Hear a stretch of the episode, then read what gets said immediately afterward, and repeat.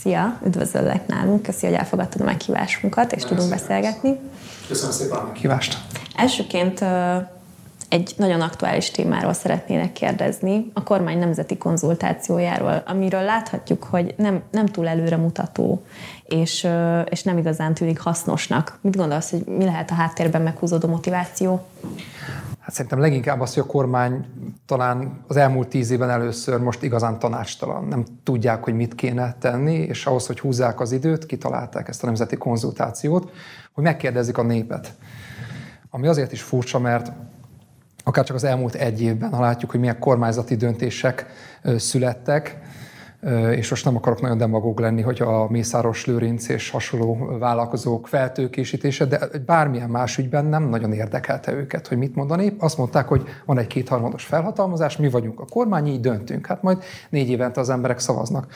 De most, hogy a, nem a saját vagyonoknak a törvényesítéséről van szó, hanem nagyon súlyos húsba vágó kérdéseket kell meghozni, most rögtön a kormánya a nép mögé bújik, és azt mondja, hogy hát ez döntsék el az emberek.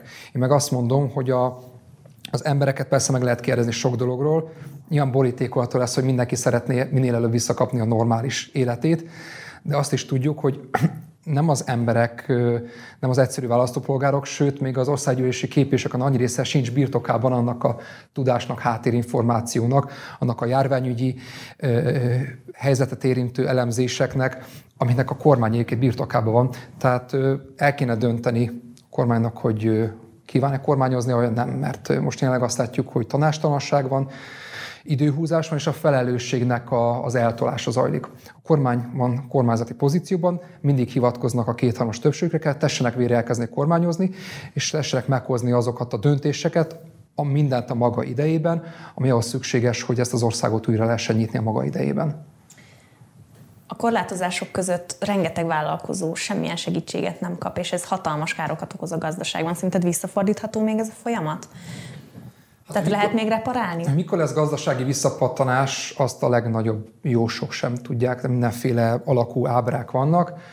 Azt tudjuk, hogy nemzetközi összehasonlításban, és nem kell nagyon messzire menni, csak mondjuk például Ausztriáig, ahol a miniszterelnök rendszeresen hivatkozik, mint a laboratórium, az emberek nagyon nagy többsége, jelentős része kap konkrét pénzügyi segítséget, bérkiegészítés, bérátvállalást, kompenzációt az államtól. Magyarországon ez úgy zajlik, hogy több hónapos késéssel kaptak 50%-ot a vendéglátósok, úgy, hogy egyébként a, a bérköltségeik, tehát alkalmazottaik után fizetendő bér és járulék mellett, aki vállalkozott már életében, vagy ismer vállalkozott, az úgy, hogy rengeteg más kiadás van. A kormány meglehetősen szűkmarkúan bánt ezzel a körrel a kis és középvállalkozásokkal, nyilván nem a saját vállalkozóikkal, mert azon bőkezően. Úgyhogy én pont a mai napon volt egy határozati javaslat, amit benyújtottam az országgyűlésnek, hogy például azért mai napig vannak ilyen arany, aranytojás tojó tyúkjai az államnak, mint például a 100%-ban állami tulajdonban lévő szerencséjáték ZRT, amely gond nélkül finanszíroz kormányhoz közel álló szervezeteket. Mind a mai napig tettem egy javaslatot, hogy ezt az összeget csatornázzuk be, és a 2021-es év végéig ebből segítsük a bevétel és a megrendelés nélkül maradt vállalkozókat. Ez sajnos a Vállalkozásfejlesztési Bizottság 7-3 arányban hét kormánypárt és három ellenzéki arányban leszavazta. Úgyhogy szemmel látható, hogy nincs valós kormányzati szándék ennek a társadalmi rétegnek a megmentésére, vagy hogy talpon tudjanak maradni, és nem igaz az sem, amit Orbán Viktor mondott a mostani tavaszi parlamenti nyitóülésen, ugye arról beszélt, hogy 2020 végén is ugyanannyian dolgoztak, mint 2019 végén, és hát nincs itt semmi látnivaló. Hát nem csökkent a munkanélküliség, a magyar gazdaság az erős, csak közben azt látjuk, ha megnézzük a központi statisztikai hivatal számait, hogy 90 ezer olyan vállalkozó van, aki jelenleg szünetelteti a vállalkozását, mert nincs egyszerűen bevétele, és, és meredeken nő azoknak a száma, a 2021. januári adatokat tudok mondani, amikor összesen 90 járás volt az országban, ahol nem csökkent látványosan a vállalkozásokat szüneteltető vállalkozók száma. És ez nagyon-nagyon nagy gond. Nem lesz gazdasági kilábalás úgy, hogyha ha ezt a csoportot most nem mentjük meg, és nem nyújt segítőkezet a kormány, már pedig nem erre, nem erre felé haladnak sajnos a dolgok. A vállalkozókhoz hozzátartoznak a művészek is, színészek, zenészek, meg a művészeti szférához tartozó egyéb munkakörök, például a világosítók, stb. Mindenki a vendéglátósokról beszél, a művészekről senki nem beszél. Ez miért lehet szerinted? Ez ez, ennek lehet az az oka, hogy Magyarországon még mindig ezt a közbeszédben nem tekintik egy igazi munkának, de igazából azok is munkák, és ők nem, ők arról aztán tényleg nincsen semmilyen szó, hogy ők bármilyen támogatást kapnak, vagy kapni fognak. Igen, közbeszédben főleg ugye az étterem, kocsma, kávézó van köztudatban, hiszen egy átlagos ember ezeknek a valamelyikébe szokott betérni rendszeresen, de hát ugyanúgy a művészvilág, a színházak, a mozik, a, a könnyű zenei élet, a koncertek, a fesztiválok ugyanennek a, a rabjai vagy a fogjai, és ráadásul egyébként pont a napokban egyeztettem egy ilyen könnyű zenei életben, viszonylag otthonosan mozgó ismerősöm, aki elmondta azt, hogy az a folyamat, hogy megjelent a, a hoteleknél, szállodáknál, éttermeknél, hogy kormányhoz közel a vállalkozók jelentek meg és próbálják meg rátenni a mancsukat a jelenleg áron alul felvásárolható cégekre, ingatlanokra, az megjelent a könnyű zenei életben és a szórakoztató szektorban is. Nem akarok összeesküvés elméleteket szőni, nem is kell, hogyha az egészet egy spontán folyamatként tekintjük, akkor is látszik, hogy a, hogy a kormány ö, nem igazán, ha, ha, ha szűk ö, hatalmi és gazdasági érdekeit nézzük, nem érdekelt abban, hogy ezt a szektort kisegítse, mert itt most apró pénzért hozzá lehet jutni azokhoz a nagyon-nagyon nagy összegű ingatlanokhoz, cégekhez, amelyeket a válság nélkül kicsit drágábban lehet megszerezni. És sajnos az elmúlt 10-11 év tapasztalat azt mutatja, hogy a kormány ilyen esetben, amikor dönteni kellett a többségi érdek és a saját szűk ö, gazdasági érdekör között, akkor mindig valahogy az utóbbit választották. Most is ennek lehetünk a szemtanúi. Térjünk át egy kicsit a, a polgári válasz körüli ö, történetekre. Vasárnap tettétek közzé, hogy, hogy, hogy a polgári válasz mozgalomból pártá alakul. Mi ennek az oka, hogy így döntöttetek, és hány, hány, hány, tagjatok, hány tagotok van? Ugye tavaly december elején mozgalomként alakultuk meg, és akkor azt a vállást tettük, hogy kijöttünk a fényre, országvilág elé tártunk egy alapító nyilatkozatot, amivel lefektettük, hogy milyen értékek képviseletére szerződtünk, és hogy milyen érdekek, milyen értékek és ö, ö, csoportérdekeknek a, a képviseletére vállalkozunk, és azt mondtuk, hogy meglátjuk, hogy ennek a ennek milyen támogatottsága lesz, vagy hogy milyennek lesz a társadalmi visszhangja, és azt kell, hogy mondjam, hogy hál' Istennek nagyon jó és pozitív. Az elmúlt hetekben nagyon-nagyon sok megkeresést kaptunk főleg fiatal és középkorú politikával közeltel aktívan foglalkozó emberektől, de, de azt kell, hogy mondjam, hogy beindult egy nagyon-nagyon aktív háttérmunka, és én azt látom, hogy most elérkezett annak az ideje, hogy ezt a, a mozgalmi keretekből kicsit ezt túlnőve, vagy előrelépve a pártá alakulást is elindítsuk, úgyhogy a napokban be is fogjuk nyújtani egyébként a bíróságnak a, a ezzel kapcsolatos pártállakuláshoz szükséges dokumentumokat.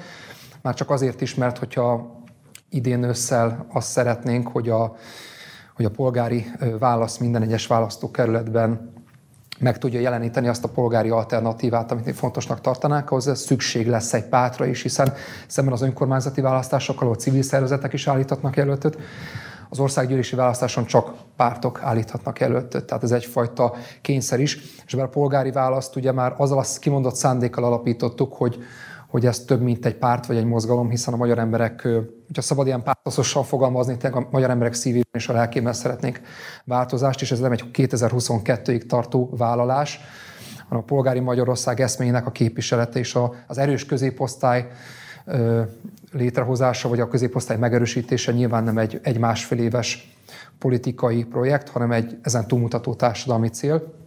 De ez az első nagyon fontos lépcsőfok, az 2022-ben az lesz, hogy ezt meg tudjuk jeleníteni a, a politikában is, tudjunk alternatívát nyújtani azoknak a szavazóknak, akik úgy érzik, hogy most sem az Egyesült Ellenzék, sem a sem a NER nem képviseli őket, és igénylik és vágyják azt, hogy legyen egy, egy harmadik utas politikai alternatíva, és a mi vállalásunk az, hogy a polgári válasz lesz az a reményeik szerint az a politikai alternatíva, amely meg tudja szólítani ezeket a szavazókat majd. Indultok az előválasztáson? Az elő, ugye formális döntést majd erről akkor fogunk hozni, hogyha egyrészt látjuk azt, hogy miről fog, az miről szól az előválasztás, azt már lehet sejteni a nyilatkozatok alapján, de nyilván majd, amikor ezt meghirdetik, akkor le lesz írva, hogy aki az előválasztáson indul, annak mit kell vállalnia. Azok alapján, amit erről sejteni lehet, meg nyilatkozatokból, folyosói plegykákból én nehezen tartom elképzelhetőnek, hogy mi ezen el akarjunk indulni, és azt is megmondom, hogy miért. A, jelenleg, amit tudni lehet, az az, hogy a, az előválasztás nem abba az irányba mutat, hogy minden egyes választókerületben találjuk meg a legalkalmasabb, legnépszerűbb, leghitelesebb jelölteket, hanem az, hogy a hat nagy párt, vagy a parlamenti pártok a Momentummal kiegészülve, hogyan osztják fel egymás között ugye választókerületekre az országot, hogyan próbálja mindenki a saját politikusának a túlélését már most az osztozkodás során biztosítani, és nagyjából itt vége is a történetnek. Arról nem beszélve egyébként, hogy itt egy ilyen előválasztáson 1000-2000 szavazat fog eldönteni, vagy fogja eldönteni, hogyha hat párt szándékai szerint, hogy ki legyen a Fidesz fő kihívója, és itt, és itt látni kell, hogy a legjobban szervezett ellenzéki pártok, egy legtöbb aktivistát tudják mozgósítani, fognak tudni elvinni 1000-2000 ember. Demokratikus koalíció, néhány helyen az országban még a Jobbiknak, MSZP-nek vannak még működő szervezetei, és ez nem fogja mutatni, reprezentálni a valós társadalmi támogatottságát az ellenzéki pártoknak. Ugye itt, a, ami nagyon fontos hangsúlyozni, hogy mi senkit nem ítélünk el, és nem beszélünk rá arról, hogy akár elinduljon az előválasztáson, vagy részt az előválasztáson, és támogassa valamik mostani parlamenti ellenzéki pártot. Mi azokat az embereket képviseljük, és azokat szólítjuk meg, akik a jelenlegi körülmények között nem mennének el szavazni, vagy hogy elmennének szavazni, akkor valamelyik kisebbik rosszra szavaznának, vagy rosszabb esetben a Fideszre szavaznának, Ö, egész egyszerűen azért, mert riasztó az a ö, közös listára összeálló ellenzék, amit most ö, egyre inkább látjuk, hogy Gyurcsány Ferenc és a DK dominálásával megképződött.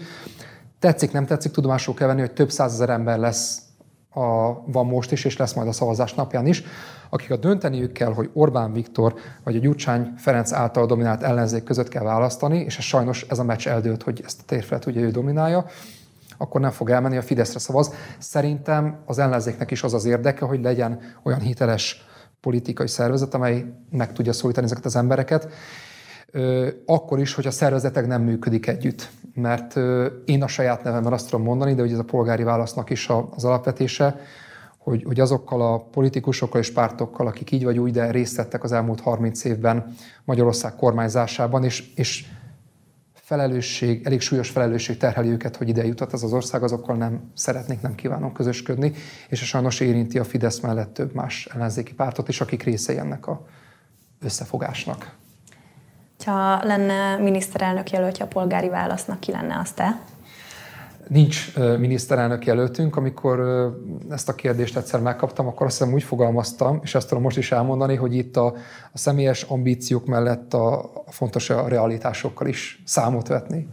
Tehát nyilván hosszú idő még 2022-ig, de nem gondolom azt, hogy realitásra lenne annak, hogy a polgári válasz adja Magyarország következő miniszterelnökét. Azt viszont gondolom, hogy nyilván országgyűlési képviselőként nekem is illetve Schneider Tamás képviselőtársamnak is, aki ugye most csatlakozott múlt héten a mozgalomhoz. Nyilvánvalóan fő felelősségünk van abban, hogy meg is jelenítsük a törvényhozási munka, meg a parlamenti munka során azt, hogy milyen értékek képviseletére, milyen program alapján kérjük a választók támogatását, mert lehet diktátorozni, meg lehet krumplit lóbálni, meg táblákat mutogatni, meg nagyon ötletes parlamenti performanszokat csinálni. De én azt gondolom, hogy, a, hogy azokat az embereket, akik most, akik most ez a fajta stílus távol tart a politikától, ők, akik a bizonytalanok vagy a pártnélkülek népes táborát gyarapítják, azokat ezek a performanszok inkább riasztják, hogy elbizonytalanítják. Ha nem tud az ellenzék életképes, átélhető vízióval és normális, konkrét programmal szolgálni, hogy mihez akar kezdeni ezzel az országgal 2022-től, mert az nagyon kevés, hogy nem fogunk lopni, meg nem lesz diktatúra. Ezt az emberek vagy elhiszik, vagy nem a elmúlt 30 év alapján. Ez nagyon kevés. Én arra törekszem a képviselői munkám során, és azok a képviselők, akik csatlakoztak a polgári válaszhoz, most ugye megyei képviselőkkel is gyarapodtunk, önkormányzati képviselőkkel, és még lesznek bejelentések a közeljövőben, meg vannak jelentkezések és érdeklődés mi ezt a munkát próbáljuk a saját területünkön, önkormányzati szinten, megyei szinten és országgyűlési szinten is megvalósítani, és nem biankó csekket kérünk az emberektől, hanem azt mondjuk, hogy ezt a munkát szeretnénk folytatni már nagyobb felhatalmazással és parlamenti frakcióként remélhetőleg. Jó, hogy említetted Schneider Tamást, aki ugye múlt héten csatlakozott a polgári válaszhoz. Ő egy egykori radikális jobboldali politikus. Szerinted hogyan hat a, a polgári válasz hitelességére az, hogy ő csatlakozott hozzátok, és mi, mik a visszajelzések ezzel kapcsolatban? Abszolút pozitív a visszajelzés minden irányban. Negatívat nem is nagyon, egy-két Facebook kommentet leszámítva nem is nagyon kaptuk. Azt látnék, hogy Schneider Tamás volt a egyik fő arca, és nem csak az arca, hanem a, a párt elnöke is, amikor ugye Vona Gábor távozása, lemondása után ugye a jobbikot ö, helyét meg kellett szilárdítani egy alapvetően jobb-közép néppárti pozícióban, és a Jobbik egészen addig maradt jobb-közép néppárti párt, amíg Schneider Tamás volt ennek a pártnak az elnöke, mióta nem Schneider Tamás ennek a pártnak az elnöke, azóta egészen más irányba ment ugye a Jobbik is, ö, és Schneider Tamásnak nagyon nagy tisztelete és elismerése van, nem csak az egykori nemzeti radikális rajongók körében, hanem az egykori Jobbik néppárti Jobbiknak a derék hadában, vagy az egykori táborában is. Azt látni kell, hogy Tamás nagyon-nagyon komoly munkát tett az elmúlt tíz évben a Szociális Bizottságnak az elnökeként is, illetve a parlamenti képviselőként, olyan ügyekben és olyan témákban, amelyek nagyon-nagyon-nagyon mostoha területként vannak most kezelve, a nyugdíjas honfitársainknak a helyzete, szociális ellátórendszer, a vidéken élő embereknek a napi szintű problémái. Ebben a Tamásnál hitelesebb országgyűlési képviselőt én nem is nagyon tudnék most fejből mondani. Lehet, hogy vannak, nekem nem jut eszembe az országgyűlésben, vagy kevesebb vannak. Ezt a munkát nagyon nagy erőbedobással végezte, és nagyon számítunk az ő tapasztalatára nem csak a szakpolitikai téren, hanem, hanem a, ez egykori pártvezetőjeként megszerzett szervezet irányítási, hálózatépítési, vezetési tapasztalataira is. Te, mint egykori jobbikos pártag, mit gondolsz az ellenzéki összefogásról? Mit gondolsz arról, hogy, hogy a jobbik a baloldallal szövetkezik? Azt, mit gondolok, azt részbeszéltem megválaszoltam, hogy miért nem szeretnénk az előválasztásban, miért óckodunk, illetve nem jelenállás szerint nem szeretnénk az előválasztásban részt venni, hogyha minden így marad.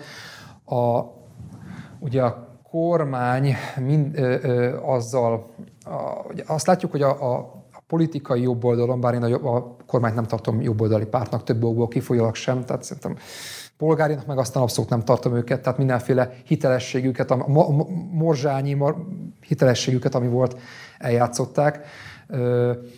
A baloldali ellenzéki pártok közül pedig senki nem lépett fel azzal az igényel, hogy igazából politikai értelemben vett jobboldali értékeket, vagy polgári értékeket képviseljen. A Jobbiknak volt egy ilyen történelmi lehetősége a néppártosodás után, de azt látjuk, hogy a pártnak a, a retorikája, témaválasztása, működése az nem hogy egy baloldali, hanem egy ilyen egy hardcore baloldali.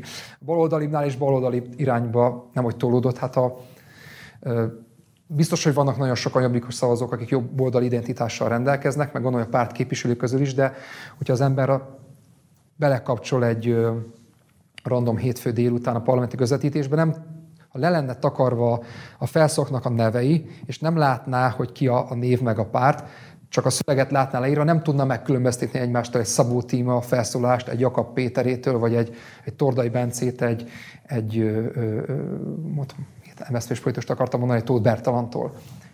Semmilyen, tehát hiába próbálja az ellenzék színesnek és sokszínűnek beállítani magát, ez valami nagyon is egy egyszínű, egysíkú ellenzék, amivel egyébként nincsen baj, tehát vannak két rendszerek a világban, Amerikai Egyesült Államok például, de ö, de azt mondani, hogy ez egy sokszínű ellenzék, amely képviselni tudná a magyar ellenzéki választóknak a széles tömegét, ez szerintem jobb esetben önáltatás, de inkább a, az embereknek a naívnak nézése, hogy ilyen csúnyább megnevezést ne használjak. Világosan, vagy tehát tudomásul kell venni, nagyon-nagyon, tehát több százezer ember van, akit most egyszerűen nem képvisel a mostani ellenzéki pártok. Nincsen Magyarországon igazából ellenzéki jobboldali formátum, vagy nem nagyon van, aki, aki látható. És a polgárasznak ez a küldetés, hogy őket megszólítsa. Tehát ilyen értelemben a, nekünk az ellenzéki pártokkal nincs dolgunk, adott ügyekben együttműködünk. Az ilyen bizottsági munka is bizonyítja, hogy nekem egy személyesen nagyon jó kapcsolatom van több ellenzéki képviselővel. vannak olyan ügyek, ahol nagyon jól tudunk együttműködni, de az a fajta Magyarország, amit mi szeretnénk, az több ponton Nyilván vannak közös pontok, demokratikus minimum jogállami feltételek, nagyon sok ponton azért más, mint amit a baloldali ellenzéki pártok akarnak. Hogy a Jobbik most mit akar, azt nem igazán tudom, mert nem lehet már megkülönböztetni a pártnak a programját, kommunikációját attól az összellenzéki együttműködéstől, vagy összefogástól, ami, ami most kialakult. Hogyan értékeled egyébként Jakab Péter pártelnökségi munkáját? Hát ezt ne nekem kelljen értékelni, ezt, ezt értékeljék a választók. Ugye 11 évig a Jobbik politikai közösségnek a tagja voltam, tehát bármilyen megállapítást nagyon nehezen tudnék úgy megtenni, hogy ne gondolná azt a néző, hogy nem a sértettség beszél belőlem. Úgyhogy bár nincsen túl jó véleményem, se Jakab se Jobbikról, de ezt azért megtartanám magamnak. Igen, tehát a, a, tehát a fő probléma tényleg az, hogy, hogy beszélünk Jobbikról, meg LNP-ről, párbeszédről, de én ugye napi szinten ugye részt veszek a parlamenti munka, a bizottsági munkában, már én magam sem tudom megkülönböztetni a különböző pártoknak a különböző programjait, hát még egy, egy, egy átlag választópolgár, aki nyilván nem az egész életét, napját reggeltől estig politikával tölti. Világosan kialakult, hogy van egy, egy, demok, egy ellenzéki együttműködés, ennek a gravitációs erejét a, a DK és a Momentum adja, mint a két felfutóban lévő ellenzéki párt. Egyébként a, nagyjából a Momentum meg a DK között sem látok túl sok különbséget, tehát ö, nyugodtan fúzionálhatna ez a hat, hat párt egy, egy liberális, meg egy, meg egy baloldali szociáldemokrata értékeket képviselő pártba lehetne két nagy párt. Ebből a szempontból, akik azt, vetti, azt hozzák fel, hogy minek még egy párt, mert túl sok párt van, igazuk van, mert mondjuk a most hat mostani párt közül nyugodtan elég lenne egy vagy kettő. Olyan párt vagy olyan formáció, mint a polgári válasz, ilyen viszont nincs, illetve látjuk, hogy például Pálinkás professzor hasonló programmal léptek elő, de azt látjuk, hogy például, vagy Márkizaj Pétert szokták még úgy említeni, mint aki inkább az ellenzéki választóknak a, a politikai értelmevet jobb oldalát képviselik, de hát látjuk, hogy mint Pálinkás professzor, mint Márkizaj Péter, nagyon hat, Márkizaj Péter nagyon határozottan, Pálinkás professzor úrék talán kevésbé, de ők is egyértelműen az ellenzéki intézményesült összefogásban gondolkodnak, előválasztáson akarnak indulni, mindenkit le akarnak beszélni, sőt Márkizaj Péter múltkor finoman még árulózta is azokat, akik nem mennek be az ellenzéki összefogásba. Mi pedig azt gondoljuk, hogy ez egy nem, egy nem jó szemlélet, ez egy, ez egy rossz szemlélet, egy hibás szemlélet, nem csak morális, erkölcsi okokból, hanem választás ö, stratégiai, taktikai szempontokból is. Tudomásul kell venni mindenkinek, a legelkötelezettebb ellenzéki szavazóknak is, hogy a mostani ellenzék nem tudja képviselni és megszólítani az ellenzéki szavazókat. Ha a polgári válasz része lenne bármilyen ilyen szinten intézményesült ellenzéki együttműködésnek a mostani politikusokkal, a mostani pártokkal, akkor azt a, azt a hitelességét veszíteni el, vagy esne egy nagy sorba, ami most a mi fő felhajtó erőnket adja, és a hozzánk forduló, a nálunk jelentkező aktivisták, érdeklődő képviselők pont ezért keresnek meg minket, mert vágynak végre valami másra, ami megkülönbözteti magát a, a mindattól, ami most kialakult a NER meg az U1G pártok körül és azt szerintem egy olyan érték, amelyet én védeni szeretnék, és őrizni szeretnék, és építeni szeretnék a jövőben. Az a célunk, hogy 2022-ben a polgári válasz mögött akkora választói támogatás legyen, hogy ez parlamenti képviseletet érem, és szerintem erre reális esély van, hogy ez megképződjön. És a következő bő egy évet ennek a célnak szenteljük, és az, az lesz a célunk, hogy az országban mind a 106 választókerületben megtaláljuk azokat az alkalmas és hiteles jelölteket, akik fel tudnak lépni a változás igényével, a Polgári Magyarország programjával, és, és abban bízunk, hogy, a, hogy, hogy ennek nem csak a képviselő oldalról, hanem, hanem választói oldalról is lesz támogatottsága. Még egy mondat csak gyorsan végére.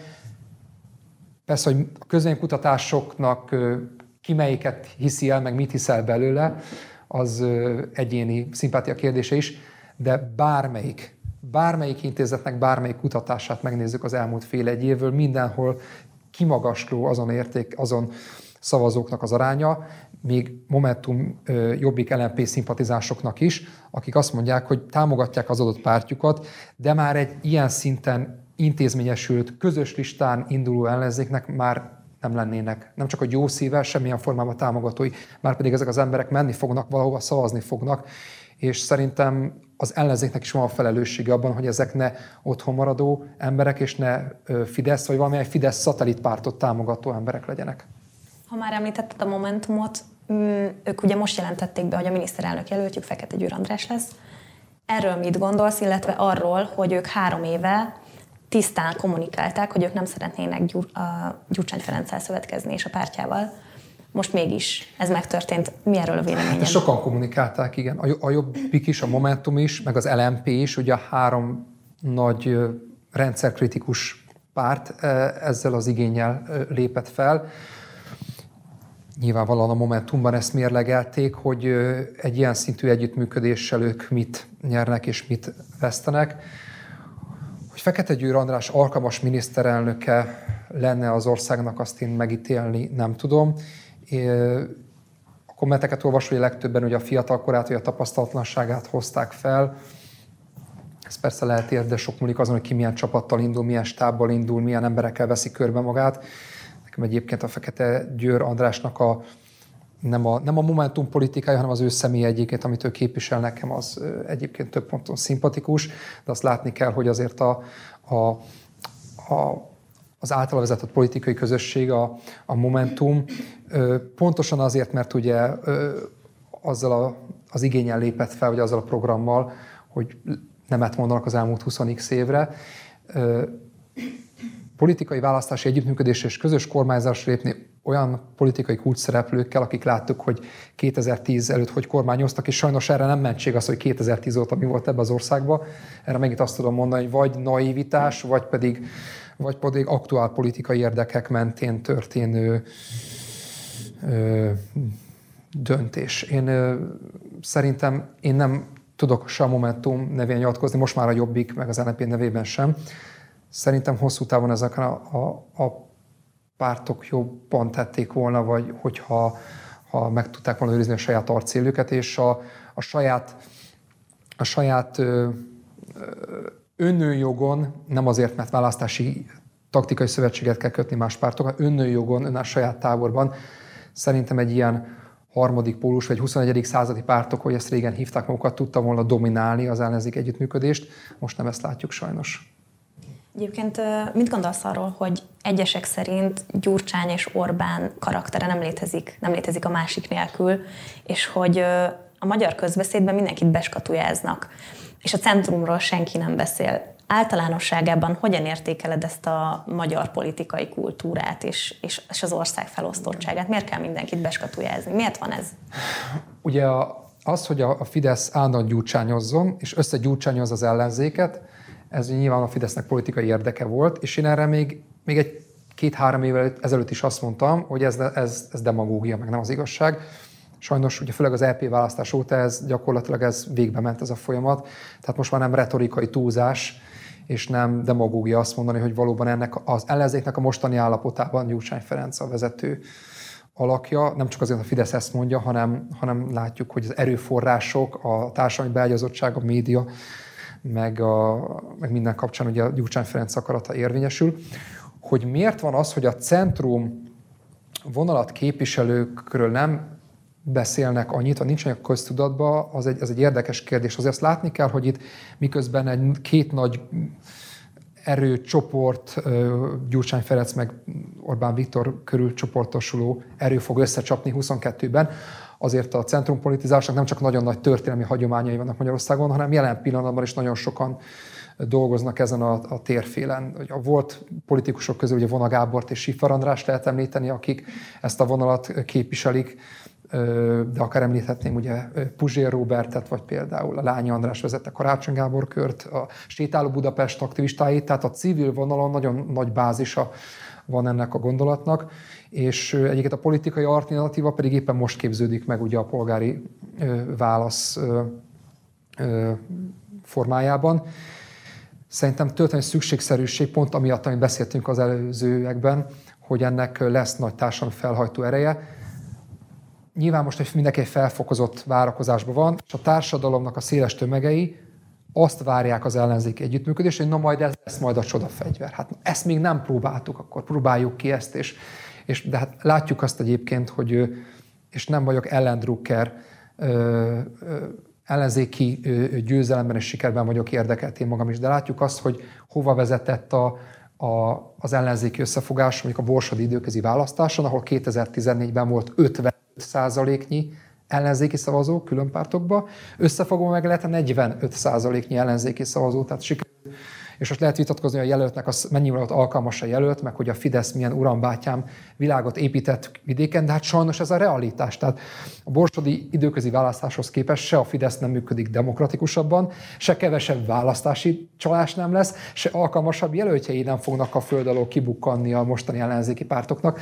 Tehát minden valószínűség szerint, minden valószínűség szerint ez a forgatókönyv lesz ami sajnos azt mutatja, hogy az összefogott ellenzék nem, hogy erősebb lenne összefogva közös is, hanem pont, hogy gyengébb, hiszen pont ugye azt az erejét veszti, hogy több embert, több választói réteget meg tud szólítani. Ebből a szempontból én, ha a mostani formában, ha a, a mostani egyesült ellenzéknek egyedül kell harmadik utas ellenzék nélkül szembeszállni a fidesz akkor szerintem nagyon nagy kudarc és kiábrándulás és népharag lesz 2022-ben, amelynek az ódiumát majd el kell, meg a negatív következményt el kell viselni, majd azoknak a pártoknak, azoknak a hangadóknak, nem csak a politikában, hanem a médiában is, mert látjuk a sajtóban is nagy hangadói vannak, inkvizítorai vannak az összefogás mantrának, akik belekergetik, beletolják az összefogás hisztibe az embereket, amikor számot kell majd adni, hogyha ha azt lesz az eredmény, hogy ez mégsem működik, mert mert ezt majd látni fogjuk. Ezt majd látni fogjuk. Szerintem nagyon nagy felelőtlenség azt elhitetni az emberekkel, hogy megtaláltuk a csodafegyvert az összefogásban. A, a sikerkulcsa nem az összefogásban, a sikerkulcsa abban áll, hogy, amit mondtam, átélhető víziót adni az embereknek, hiteles képviselőteket és érdemi politikai munkát, ami baromi nehéz egyébként. Ez sokkal nehezebb egyébként, mint montrázni összefogást. Ez érdemi politikai munkát igényel, amire valljuk meg, őszintén nagyon sok ellenzéki képviselő nem alkalmas, vagy, vagy nem képes, vagy nincs szándékában elvégezni. Van nagyon sokan, akik igen, nagyon sok pozitív példát is tudnék mondani, de, de sajnos egyszerűbb, egyszerűbb bemesélnie magának, bemesélnie maguknak, meg elhitetni az embereknek, hogy az összefogás a győzelem kulcsa, mit számot vetni azzal, mert ez is nagy bátorság kéne, hogy kedves választópolgárok, az az igazság, hogy fogalmunk sincs, hogy hogy lehet megdönteni ezt az Orbán. Mert megkapom is a kérdésként, hogy na, de akkor oké, rendben van, oké, nem, de akkor mondják, hogy hogy lehet megdönteni az Orbán rendszert 2022-ben. A jelenlegi erőforrásokat és a viszonyokat tekintve erre a kérdésre a bölcsek köve senkinek nincs ott a zsebében. Senki nem tudott, hát akik azt mondják, hogy összefogással lehet, azoknak se. Én azt tudom, hogy, hogy mi a hosszú távú megoldás ez, de hogy mikor, lesz, mikor jön az a politikai pillanat, amikor a Fidesz meg lehet roppantani a Fidesz általulat nemzeti együttműködés rendszerének csúfolt rendszert, azt, ha őszinték akarunk magunkkal lenni, akkor ennek 2022-ig belérthető időn belül, ha csak nincsen politikai földindulás és beszakadás, ami persze előfordulhat, és ebben bízunk, mindenki ebbe bízik, hogy ez eljön, ha nem lesz politikai földindulás, ez az ellenzék mostani állapotában teljes összefogással nem fogja tudni megcsinálni ezt, ezt most. Tehát, garantálni tudom. Mindent egybevéve, szerinted most a, ezeket a körülményeket figyelembe véve nincsen esély a kormányváltásra? Távolabb vagyok a kormányváltást, hogy 2017-ben voltunk négy éve, sajnos azt kell, hogy mondjam. De ez nem jelenti azt, ez nem menti fel a felelősség alól a képviselőket, se engem, se másokat, hogy akkor ebbe így tudom, hátra kéne dőlni, és akkor ezt így elengedni, vagy beletörődni. Nem. Nagyon-nagyon komoly politikai munkát kell beletenni mindenkinek, hogy ez ne így legyen.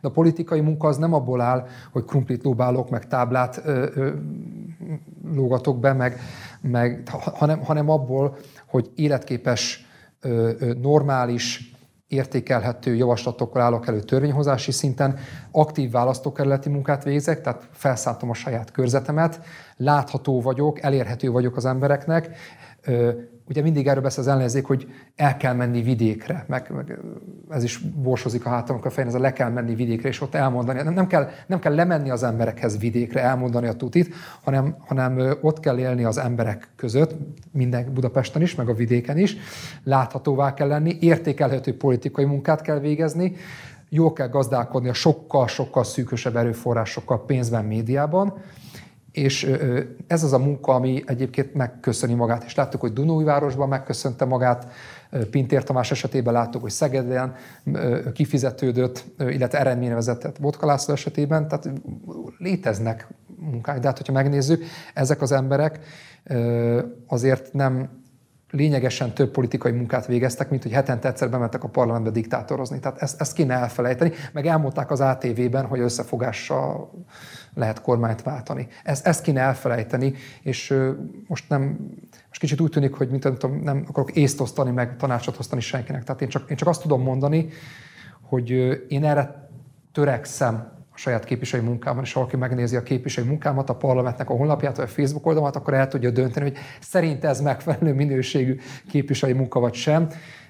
Én erre törekszem, és, hogyha, és, és azt gondolom, hogy ez a helyes út. Nagyon sok sikert kívánunk neked és a polgári választnak is a politikai munkához, és köszönjük, hogy eljöttél. Nagyon szépen köszönöm a meghívást, és szívesen jövök bármikor máskor.